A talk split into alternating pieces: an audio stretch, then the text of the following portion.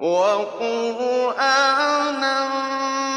فَرَقْنَاهُ لِتَقْرَأَهُ عَلَى النَّاسِ عَلَىٰ مُكْثٍ وَنَزَّلْنَاهُ تَنزِيلًا. بسم الله والحمد لله والصلاة والسلام على رسول الله. سيدنا محمد وعلى آله وصحبه أجمعين. الحمد لله حمدا كثيرا طيبا مباركا كما يحب ربنا ويرضى. الحمد لله على نعمة الإسلام الحمد لله على نعمة الإيمان والحمد لله أن وفقنا على حمده إياه. فله الحمد في الأولى والآخرة. نكمل مسيرتنا في هذه السلسلة المباركة بإذن الله عز وجل في تفسير جزء عمة. ووصلنا اليوم بإذن الله عز وجل إلى تفسير سورة البروج التي قد سمعناها في الصلاة. فحري بنا أن نتدبر معانيها وأن نقف مع آياتها وقفات عل القلوب أن تحيا بذكر علام الغيوب. يقول الله سبحانه وتعالى في سورة البروج وهي سورة مكية وآياتها 22 آية. يقسم الله عز وجل فيقول سبحانه وتعالى بسم الله الرحمن الرحيم والسماء ذات البروج الله عز وجل قد أقسم بالسماء وذكر صفة من صفاتها. فذات البروج على قول أهل العلم البروج هي المنازل منازل الشمس والقمر والمنازل المعروفة التي تسمى العقرب والسبع وغيرها من المنازل والتي تسمى الأبراج كما هي معروفة تصل إلى 12 برج. هذه هي منازل السماء الذي أقسم الله عز وجل بها فقال والسماء ذات البروج. وقيل أن البروج هي النجوم والكواكب. ثم قال جل وعلا واليوم الموعود وهو يوم القيامة باتفاق المفسرين ثم قال جل وعلا وشاهد ومشهود. فالأقسم بالسماء. ثم بيوم القيامة. ثم بعد ذلك بشاهد ومشهود. وشاهد ومشهود قال بعض أهل العلم الشاهد هو يوم الجمعة والمشهود هو يوم عرفة. وقال ابن القيم رحمه الله في قول يجمع هذا القول قال هو كل مرأى ومرئي وكل مبصر ومبصر شاهد كل ما يشاهد وكل ما هو مشهود فإن الله عز وجل أقسم به فأنت تشاهد الأمور وهناك ما يشاهدك فالله عز وجل أقسم بالشاهد وأقسم بالمشهود وشاهد ومشهود. قتل أصحاب الأخدود. هذا جواب القسم. بعد أن أقسم الله عز وجل بثلاث آيات والسماء ذات البروج واليوم الموعود وشاهد ومشهود قال قتل أصحاب الأخدود. وقتل هنا بمعنى لعن أصحاب الأخدود. ونقف وقفة. من هم أصحاب الأخدود؟ جاء في الأثر طبعا فيها أقوال كثيرة لكن هو كما هو مشهور بين الناس وأهل العلم أهل الأخدود هم أناس كانوا في قديم الزمان وكان يرأسهم ملك ملك من الملوك وكان كافرا بالله عز وجل ليس على النصرانية عندما كانت على التوحيد بل كان كافرا. وكان له ساحر. وهذا الساحر كان يفتن الناس وكان يعالجهم بسحره.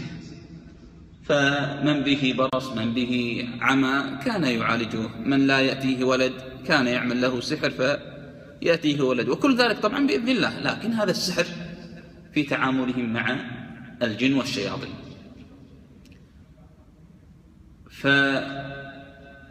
ففي يوم من الأيام جاء هذا الساحر إلى الملك فقال إني قد كبرت وأوشكت, وأوشكت على الهرم وأن أموت فأريد أن تجعل وأن تختار غلاما لكي أعلمه ويرث علمي من السحر حتى إذا مت نفعك واستمر, واستمر يعني آه، جبروتك وطغيانك على الناس بأن يكون هناك معك ساحر يؤيدك وينصرك.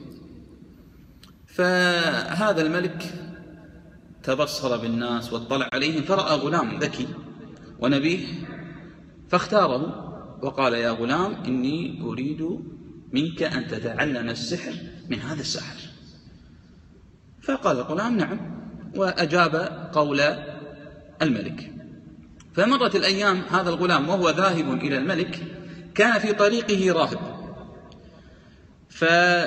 فكان يقف في منتصف الطريق عندما يخرج من بيته فيقف في منتصف الطريق فيجلس مع الراهب ويسمع ما عنده. وهذا الراهب نصراني كان على التوحيد. أي لم تخرج عندهم عقيدة التثليث والشرك بالله عز وجل قبل أن تحرف النصرانية. فجلس معه وبدأ يسمع من كلامه. وأن هناك إله ورب واحد يعبد وهو الذي خلقنا ورزقنا وهو الذي ينعم علينا وهو الذي بيده الشفاء وهو الذي بيده الأمور جميعها وهو الذي يحيي ويميت وهو الذي يعني يشفي الأبرص والأكمة ويعالج الأعمى هو سبحانه وتعالى.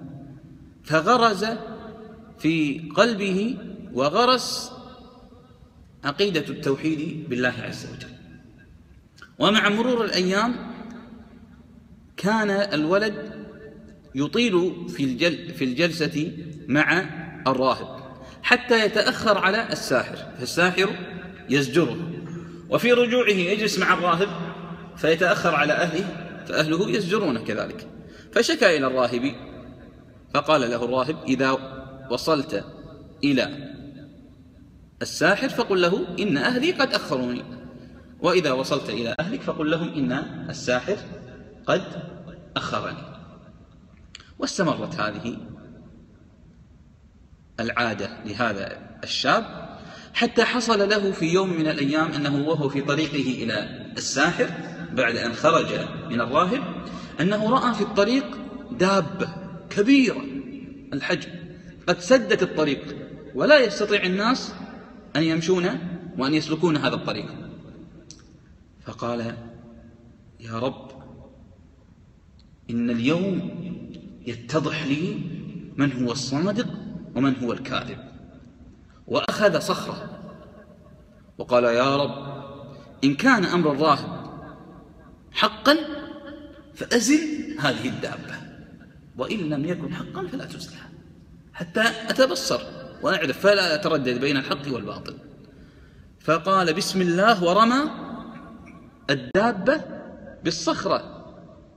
البسيطة التي لا تسقطها عادة لكن عندما قال بسم الله ورمى الدابة سقطت هذه الدابة وانحرفت عن الطريق وفتح الطريق لجميع الناس لكي يسلكونها.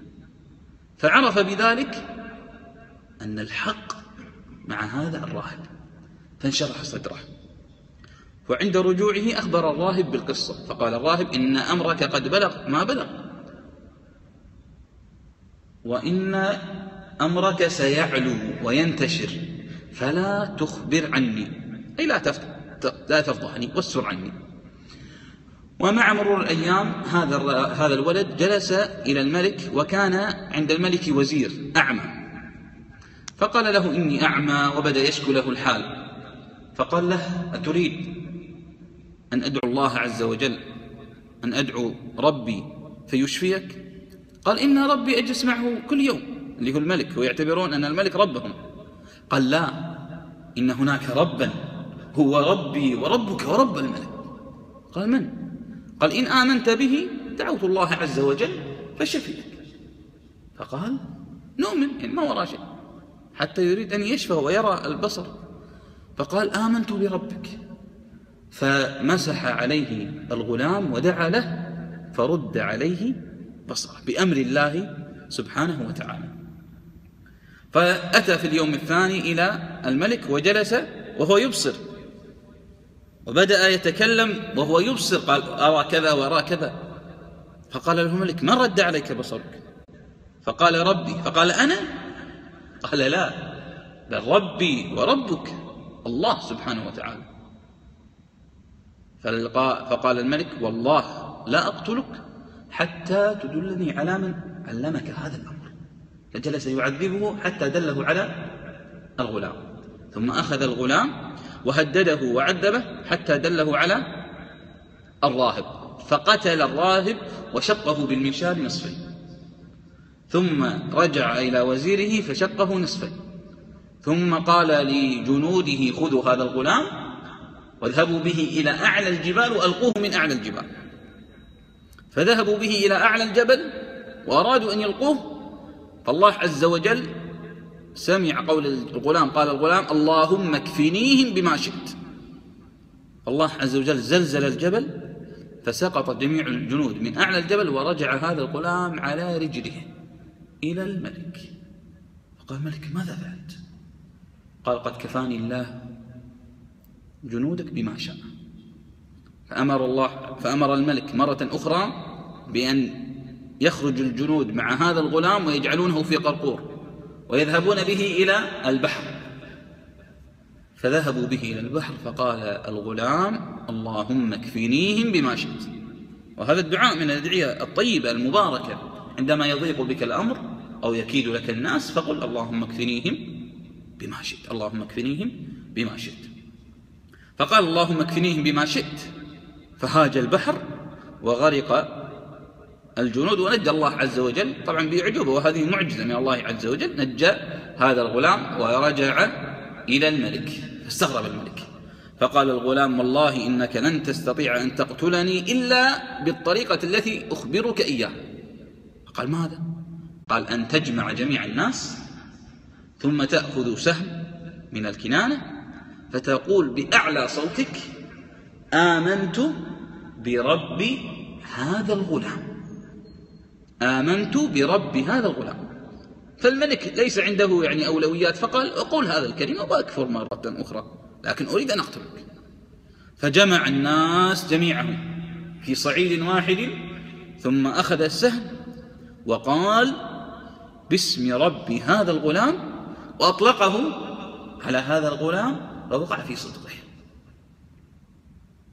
فخر هذا الغلام ميتا. أمام جميع من حضر هذا المشهد العظيم. فقال جميع من حضر هذا المشهد من أهل القرية بصوت واحد آمنا برب هذا الغلام. آمنا برب هذا الغلام. آمنا برب هذا الغلام. فقال حاشية الملك قد حصل ما كنا نحذر. نريد أن يكفر الناس ولا يتبعوه. الآن كل الناس آمنوا. فقال الملك احفروا خندقا حفرة كبيرة وأوقدوا فيها النار. ومن لا يرجع ولا يرتد عن دين الإسلام عن دين التوحيد يلقى في هذه النار. فأتوا بالرجال والنساء وألقوا في هذه النار. وهذا الملك جالس متكئ وينظر إليهم وهم يحترقون وينشوون في هذه النار. حتى أتوا كما جاء في الصحيح بامرأة ومعها طفل أرادوا أن يلقوها في هذه النار فترددت. فأنطق الله عز وجل هذا الطفل وهؤلاء من الأطفال الذين نطقوا في المهد. عيسى عليه السلام وهذا الطفل وكذلك الطفل آه الذي اتهمته المرأة لجريج رضي الله عنه في الحادث المشهور. فقال هذا الغلام يا أماه اصبري فإنك على الحق. فألقت نفسها مع الغلام في هذه النار. فلهذا الله عز وجل خلدهم في القرآن وأنزل فيهم آيات تتلى إلى يوم القيامة رفعا لشأن لشأنهم وإعزازا لمكانتهم لأنهم, لأنهم ضحوا بأرواحهم وأنفسهم في سبيل الله وفي إعلاء كلمة التوحيد. نرجع إلى الآيات. قال جل وعلا قتل أصحاب الأخدود. ما هي الأخدود؟ قال النار ذات الوقود التي توقدت. إذ هم عليها قعود. من هم؟ الملك وزبانيته قعود. وهم على ما يفعلون بالمؤمنين شهود. قعود دون أي مبالاة ودون أي حياة للقلوب يقتلون الناس ويقتلون الأبرياء أمامهم ويلقونهم في النار. كما هو حال بعض الطغاة في هذا الزمان. يقتل الناس بدم بارد. وربما يقول أمامه لا إله إلا الله محمد رسول الله ومع ذلك يقتله. نسأل الله العافية. وهم على ما يفعلون بالمؤمنين شهود. وما نقموا منهم يعني ما كان سبب قتلهم لهؤلاء الناس وما نقموا منهم إلا أن يؤمنوا بالله العزيز الحميد. ما الذي جعلهم يقتلون هؤلاء الأبرياء؟ أنهم آمنوا بالله العزيز سبحانه وتعالى الحميد الذي له ملك السماوات والأرض. والله على كل شيء شهيد. أي إن أمهلهم الله عز وجل وإن ترك هؤلاء الكفار يتمردون ويطغون ويتكبرون في الأرض فإنه له ملك السماوات والأرض وهو على كل شيء شهيد.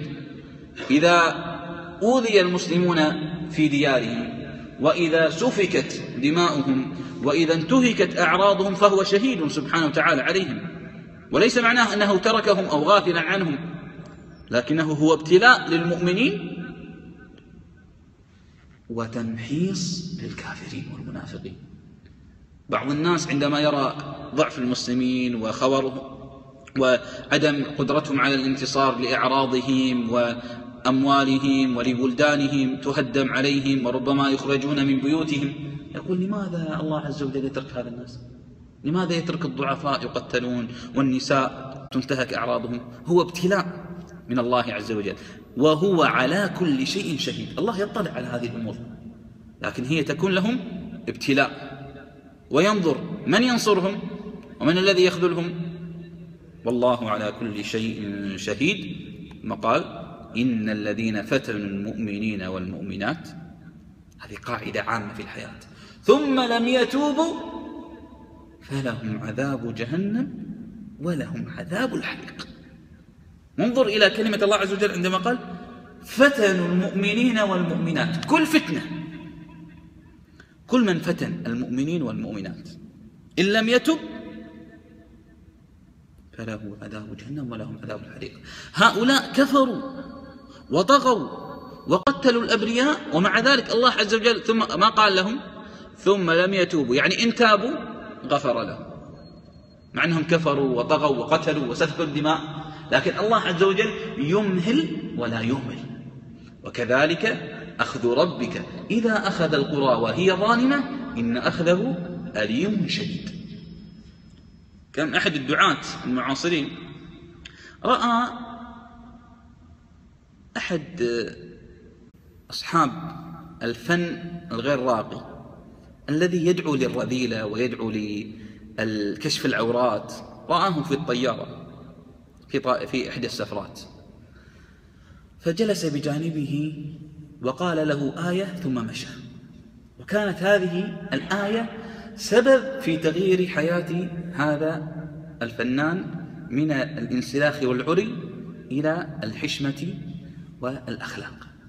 جلس بجنبه وقال إن الذين فتنوا المؤمنين والمؤمنات ثم لم يتوبوا فلهم عذاب جهنم ولهم عذاب الحريق.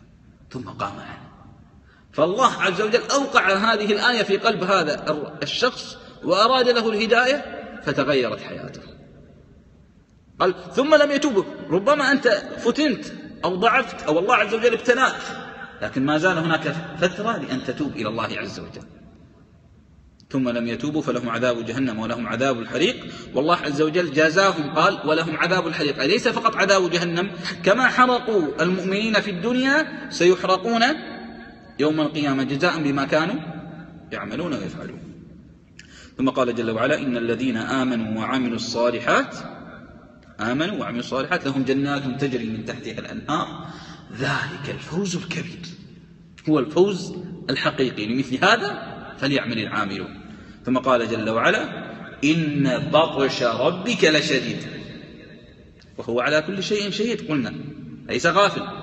إن بطش ربك لشديد. هو يمهلهم لكن لا يهملهم. إن بطش ربك لشديد. إنه هو يبدئ ويعيد. فهو الذي قد بدأ الحياة وهو الذي سيعيدهم إليها. هو الذي أحياهم وهو الذي سيميتهم. وهو الغفور الودود. ومع ذلك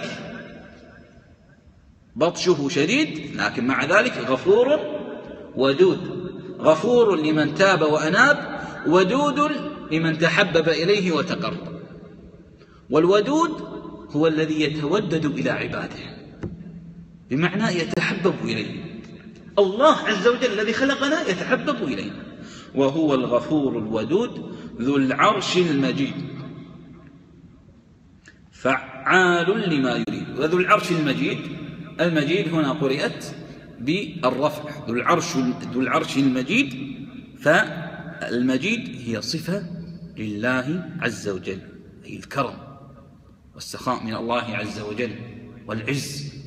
وقرئت في بعض القراءات ذو العرش المجيد بالكسر فهي صفة للعرش. قال فعال لما يريد. فهو يفعل ما يشاء لا مبدل لحكمه. ثم قال جل وعلا هل أتاك حديث الجنود؟ هل سمعت أخبار الأمم السابقة الذين طغوا وبغوا ما فعل الله بهم؟ وكيف أهلكهم؟ فرعون وثمود بل الذين كفروا في تكذيب. يا محمد من يكون في خصمك ومن يكذبك هو الذي يكذب في الحقيقة. بل الذين كفروا في تكذيب. الكفار لا يكذبونك. هم الذين كذبوا. عندما رأوا الآيات ورأوا المعجزات لم يؤمنوا بالله عز وجل ولم ينقادوا لأوامر النبي صلى الله عليه وسلم. فقال الله عز وجل في شأنهم بل الذين كفروا؟ قال يكذبون. وماذا قال؟ قال في تكذيب. كأنهم قد جعلوا أنفسهم في الكذب. كأن الكذب ظرف وهم قد وضعوا أنفسهم فيه وأن الكذب قد أحاطهم في تكذيب. والله من ورائهم محيط. إن الله عز وجل قد أحاط بهم علما. بل هو أي هذه الآيات قرآن مجيد أي ذو مكانة عالية في لوح محفوظ فهو محفوظ عند الله عز وجل قال الله جل وعلا إنا نحن نزلنا الذكر وإنا له لحافظون. نسأل الله عز وجل يجعلنا من الذين آمنوا وعملوا الصالحات ويجازون بالجنة والفوز الكبير وألا يجعلنا من الذين فتنوا المؤمنين والمؤمنات. ونسأل الله عز وجل يجعلنا ممن يستمعون القول فيتبعون أحسنه. والحمد لله رب العالمين وجزاكم الله خيرا على حسن الاستماع.